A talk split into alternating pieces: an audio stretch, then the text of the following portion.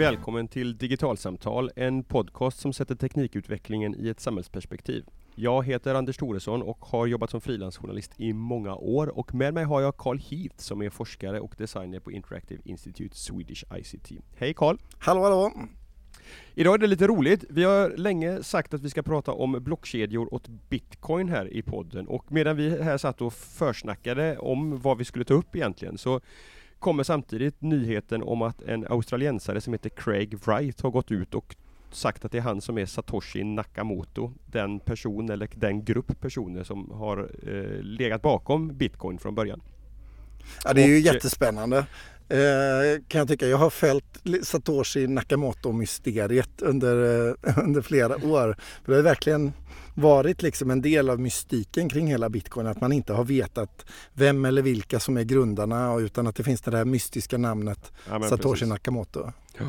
Eh, vi har egentligen inte tänkt att vi ska ägna oss jättemycket åt vad bitcoin är i det här avsnittet utan vi ska titta mer på den bakomliggande tekniken. Det här, vad, vad är en blockkedja egentligen och vilka andra tillämpningar vid sidan av bitcoin kan det få? Men det går ju liksom inte att runda bitcoin i ett avsnitt om blockkedjor så att vi, vi börjar väl ändå där. Va, vad är bitcoin för någonting egentligen? Ja, alltså bitcoin det är ju den här kryptovalutan som det heter som Satoshi Nakamoto presenterade i samband med att eh, han också presenterade blockchain-algoritmen. Och vad bitcoin eh, är, det är en slags digital valuta kan vi kalla det för, eh, som bygger på eh, konceptet av blockkedjan som vi kommer tillbaka till. Eh, men vad som gör den här eh, digitala valutan unik det är att den här valutan den inte behöver en central aktör som en centralbank i ett land som håller koll på den utan den är helt efterfrågestyrd.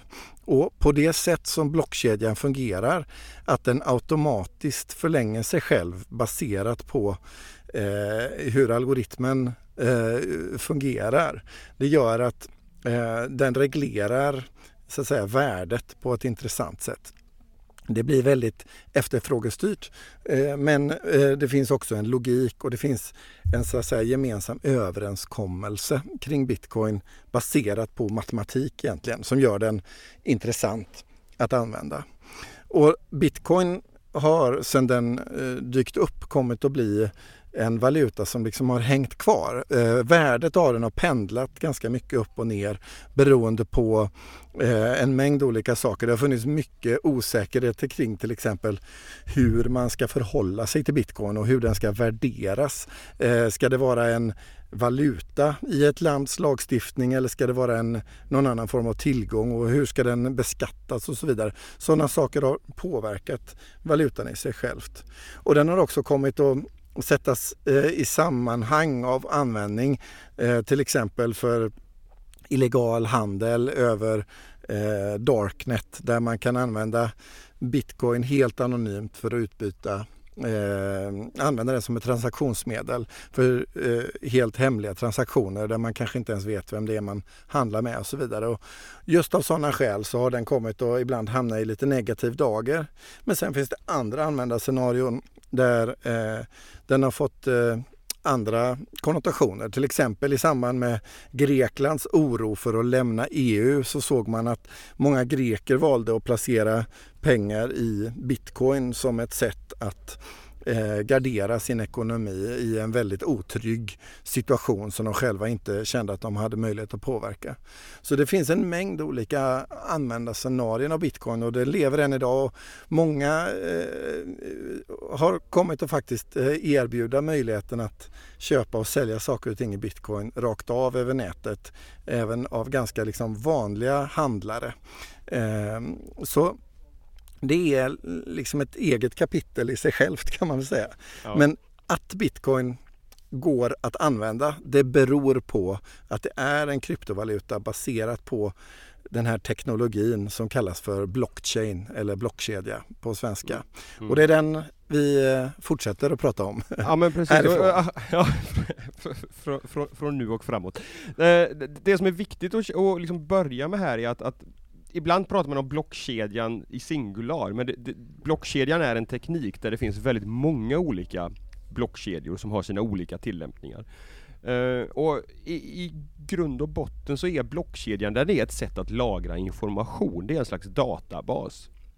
Men som har, till skillnad från många andra sätt att lagra information, framförallt tre egenskaper som är som gör eh, tekniken unik och, och intressant i situationer där man vill hantera transaktioner utav värdehandlingar på olika sätt. Det kan vara bitcoins, en, en, en kryptovaluta då som, som det kallas för, men det kan också vara eh, andra exempel för att, för att spåra eh, och hålla koll på varor i en logistikkedja eller för att, för att eh, registrera avtal på ett säkert sätt. Och de, de här tre egenskaperna då, det, det hur, hur de, de virtuella sidorna i den här databasen i en, i en loggbok är numrerade och hänger ihop.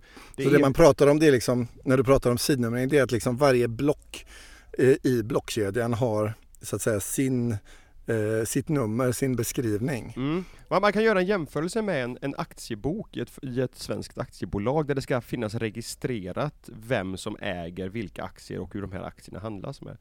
Och från början så var ju det här en, en pappersbok som ska finnas hos, hos det här aktiebolaget och då var det en, en, en, en sida och så sidnumrering precis som, en, som vi är vana vid att en bok ska, ska vara uppbyggd med en, en kronologi i de här sidorna eh, som är då efter sidan 1 kommer sidan 2 och sen kommer sidan 3 och så vidare. Och i en blockkedja så lagras då informationen inte på pappersblad utan i det här som kallas för block. Och de här blocken då, de följer efter varandra också, ett efter ett annat. Men inte i den här kronolo alltså, kronologiska ordningen 1, 2, 3, 4 utan där man skapar eh, ordningsnumret utifrån innehållet i det specifika blocket och också utifrån vad föregående block innehåller. Och konsekvensen utav det här blir att går man in, det, det, här ordningsnumret då för ett block i en blockkedja, det räknas alltså fram utifrån innehållet. Och det innebär att om man går in och i efterhand ändrar på i, i innehållet i ett block så förändras också ordningsnumret. Vilket gör att den här blockkedjan bryts och man ser att det är någonting som inte stämmer. I en, i en aktiebok, särskilt om den är uppbyggd utav en perm, där är det ju väldigt lätt att öppna permen och lyfta ut ett, ett blad, skriva dit lite nya saker, sätta tillbaka bladet och så har det samma sidnummer så är det inte så lätt att upptäcka det här felet. Men så går det alltså inte att, att förfalska ett block i en blockkedja.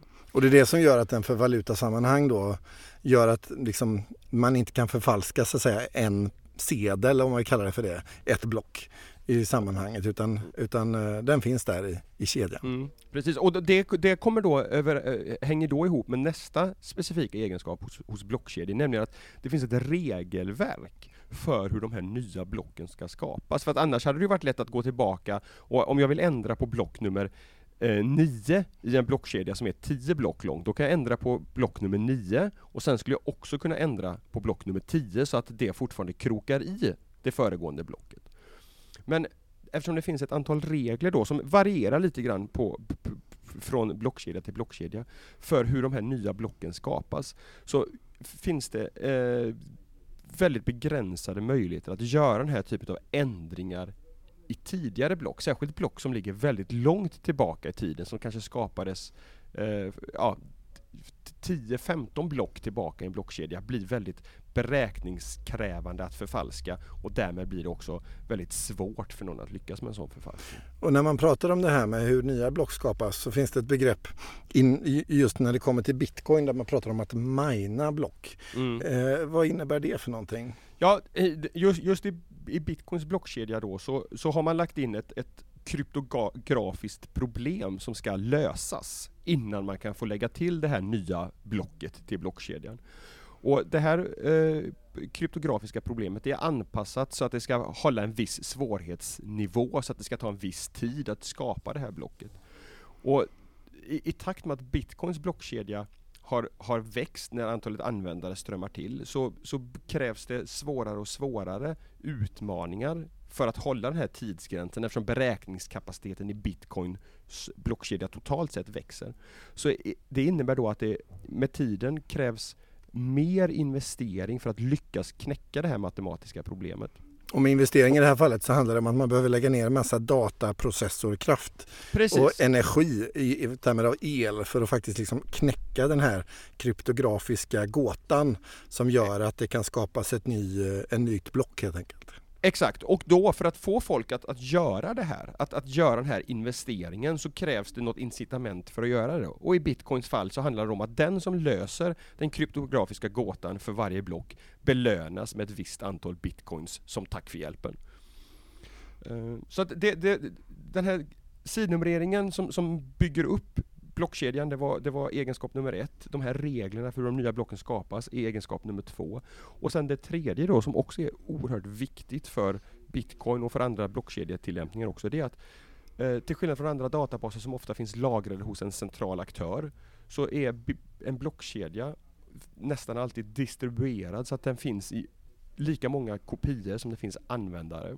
Vilket gör att du behöver inte lita på en central aktör utan man litar istället på att tekniken, de här, det här regelverket garanterar att blockkedjan är intakt och omanipulerad snarare än att jag måste lita på dig Karl som en specifik individ. Att du har koll på innehållet i databasen. Både så att ingen utomstående kommer in och manipulerar det men också att jag kan lita på att du inte manipulerar den för egen vinnings skull. Så, så försvinner det här behovet utav, utav tillit till andra individer eller andra organisationer. Tilliten ställs istället till, till tekniken och matematiken. Och det här, de här tre kombinerade så att säga eh, centrala värdena av blockkedjan, det vill säga att blocken krokar i varandra så att det är svårt att bryta loss ett block eller förfalska ett block eller så. Dels de här reglerna för hur nya block skapas som gör att över tid blockkedjan växer men på ett förutsägbart sätt. Och det tredje då att det inte finns en central lagringsplats för eh, blockkedjan utan att den är distribuerad på användarna i, i många fall. De så att säga blir gynnsamma när det kommer till just skapandet av en kryptovaluta som bitcoin i det här fallet och det är därför som den går att använda på det sätt som den har kommit att göra.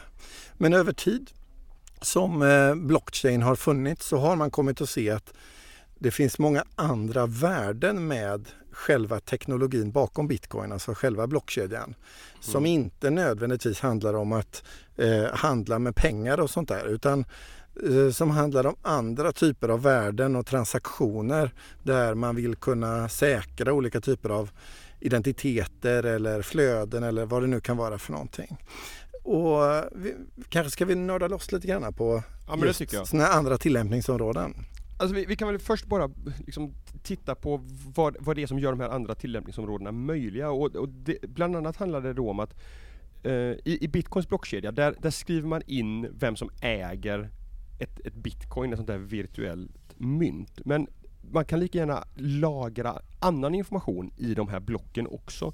Det finns något som kallas för hash-summor inom matematiken, så, som innebär att man tar ett värde ett matematiskt värde och sen så räknar man om det till ett annat matematiskt värde med ett bestämt antal tecken. Och det fina med sån här hash-funktion är att den går bara att köra åt ena hållet. Det vill säga att du, du har din ursprungsinformation och så skapar du ett 20 tecken långt eh, teckensekvens utav den. Men du kan inte köra den baklänges och få reda på vilken var urs, ursprungsinformationen. Och vad skulle vara bra med det här? Det som är bra med det här då är att du kan komprimera information väldigt effektivt. Du kan ta, ta en digital bild som är, som är flera hundra megabyte stor, kanske någon gigabyte stor datafil. Och så kan du, skapa, kan du göra om den till ett 20 tecken lång sekvens. Och så om du då sen skriver in de här 20 tecknen i en blockkedja, då vet du att vid en viss tidpunkt så, så skrev jag, påstod att jag har en bild, eller ett avtal, eller ett, en ljudfil, eller en, någonting annat.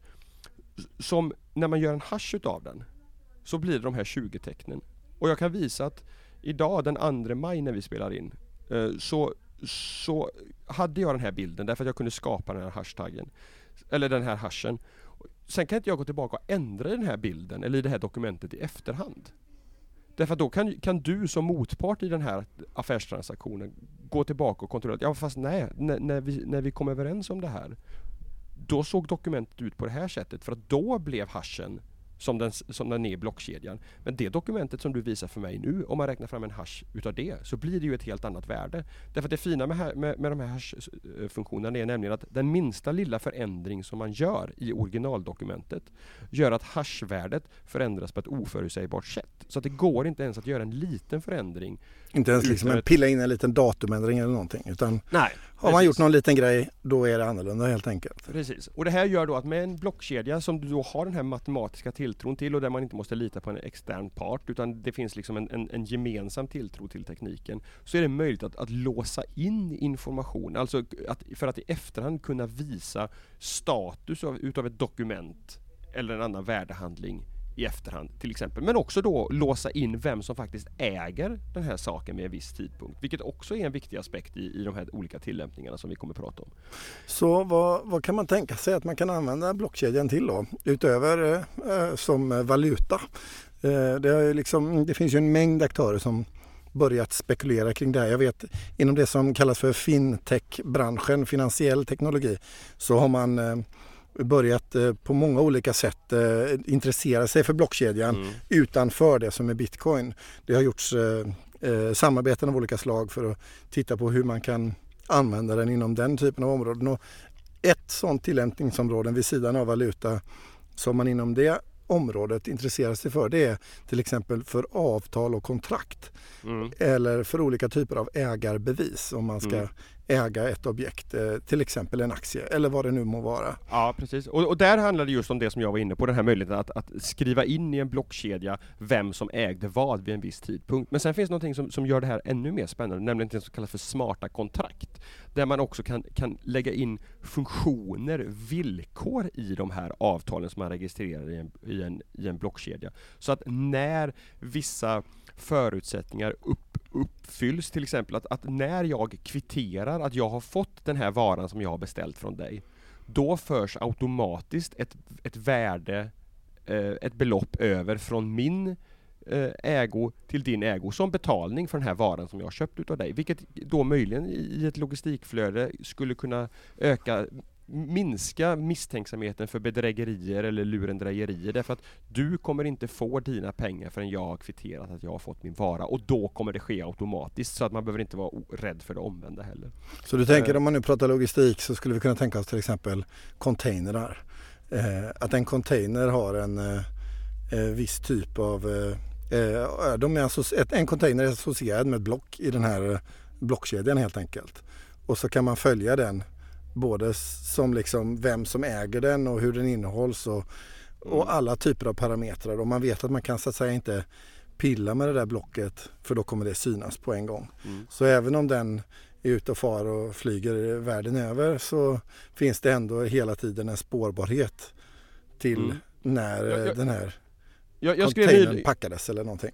Precis. Jag skrev nyligen en artikel i, i IVAs, eh, Kungliga Ingenjörsvetenskapsakademins tidning IVA Aktuellt just om, om blockkedjor och andra tillämpningar. Och då, då är just det här logistikflödena ett exempel där man tittar på, eh, alltså när, när du skeppar varor eh, från Asien till Europa, så, så ibland är det liksom väldigt enkla saker det handlar om. Eh, att, att en återförsäljare i Sverige har beställt produkter och så äger de här under hela eh, Eh, transporter. Men, men, ibland handlar det om att man, man, ska transportera varor som faktiskt byter ägare under resans gång till exempel. Att, att, om, särskilt om det handlar om råvaror då. Och då, då har det ju varit liksom frågor från, från början när man började med sjöfart. Då, då reste den som äger varan reste med båten. Men sen eh, vill man inte göra det längre och då måste man på något sätt lösa ägarbevisfrågan och då, då har man haft ägarbevis som har rest landvägen som papperslappar som får representera varorna som finns på båten och så kan man handla med de här papperslapparna istället. Och här har man eh, givetvis velat digitalisera det här systemet men man har haft svårt att hitta liksom, den här centrala aktören som man ska våga lita på. Alltså det är själva tillitsproblemet i logistikvärlden som mm. har varit utmaningen här helt enkelt? Mm. Delvis det, men också ett, ett, ett ägarförhållande, nämligen vem äger varan den dagen eh, båten i värsta fall förliser? Vem är det som går rätt att gå och begära pengar, ersättning hos sitt försäkringsbolag.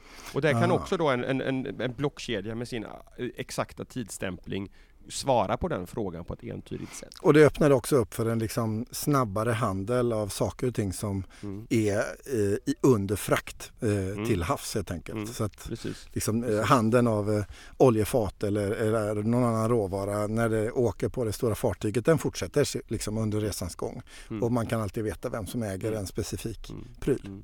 Mm. Och, och kop kopplat då till, till liksom logistikfrågan så finns också den här möjligheten med, med ursprungsspårning som är intressant i väldigt många sammanhang. Vi pratar om medicin, om flygplansdelar, om livsmedel, om ädelmetaller, om ädelstenar. Där man vill hålla koll på att den här varan faktiskt kommer från ett legitimt sammanhang om vi pratar om, om ädelstenar eller flygplansdelar och medicin till exempel.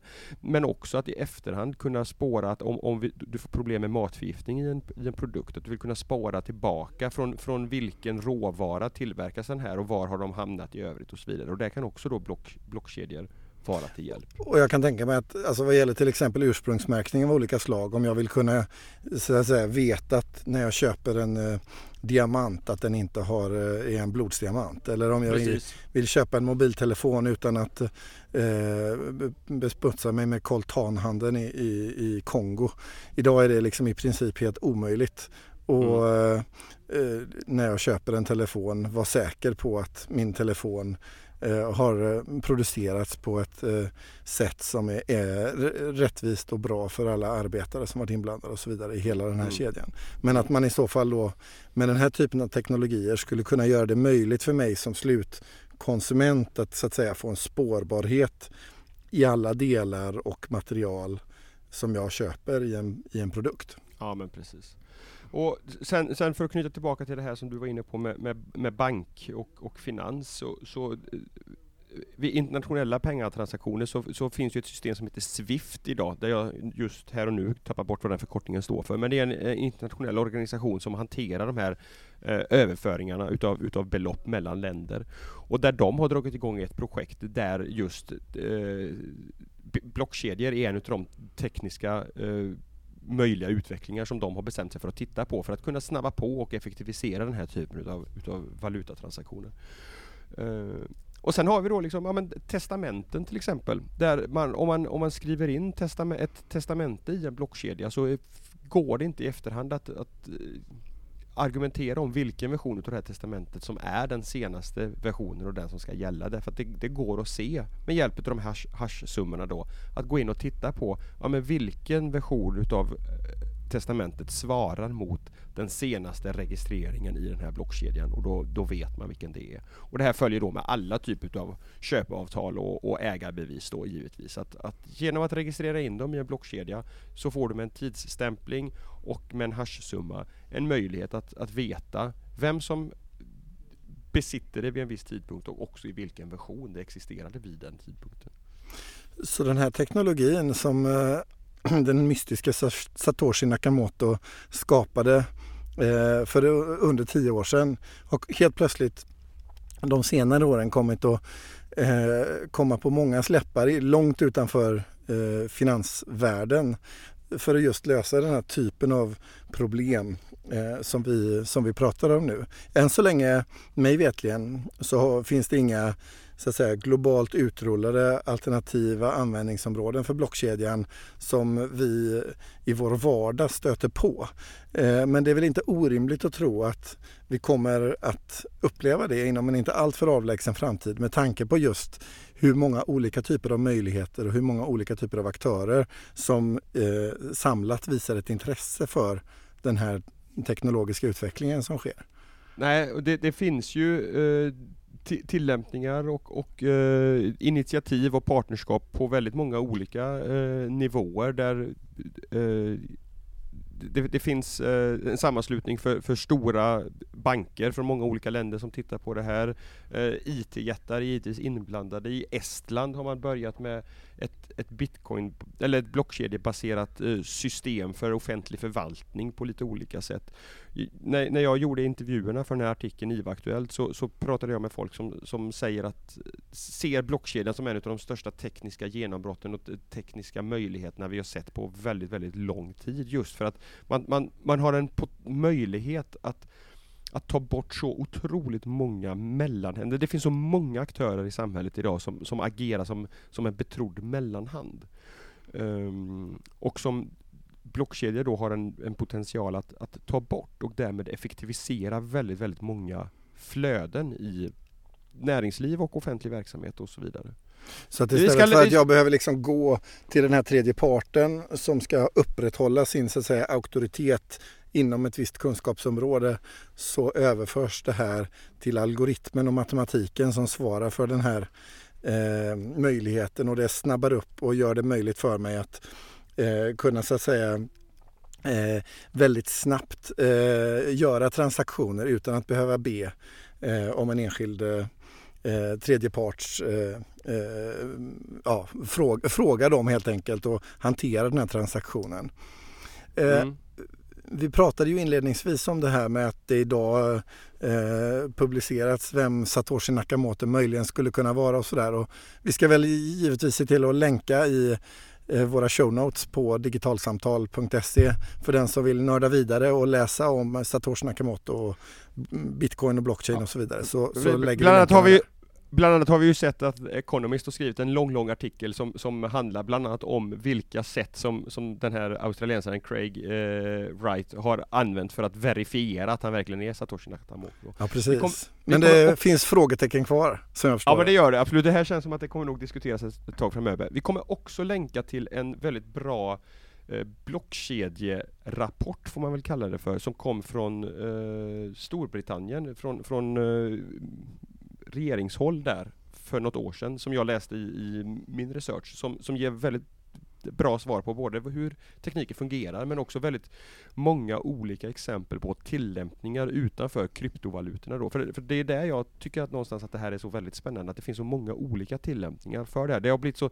en sån tät sammankoppling mellan bitcoin och blockkedjor att man i, den, i, den, liksom, i det offentliga samtalet, i, i, som media har rapporterat om det hittills, så, så har det väldigt lite synts utav alla de här andra tillämpningarna som de här tekniska möjligheterna faktiskt ställer på plats. Och ur ett samhällsperspektiv så uppstår ju som sagt oerhört många intressanta möjligheter för hur man kan säkra eh, till exempel en medborgares identitet i olika sammanhang och sånt ja. där. Så, så som, som stat eller offentlig aktör så finns det all anledning att ta en djup titt i i vad detta kan innebära för ens verksamhet. Ja, e, ett av de mest, eller e, jag ska inte säga ett av de mest, men ett väldigt spännande exempel i den här brittiska rapporten är att, att där man tittar på hur den här möjligheten att, att eh, de här smarta kontrakten som, som tekniskt låser hur värde ska överföras, hur det till exempel skulle kunna användas i biståndssammanhang, där, där man ser att det finns liksom stora problem med korruption och så ibland, att man helt enkelt kan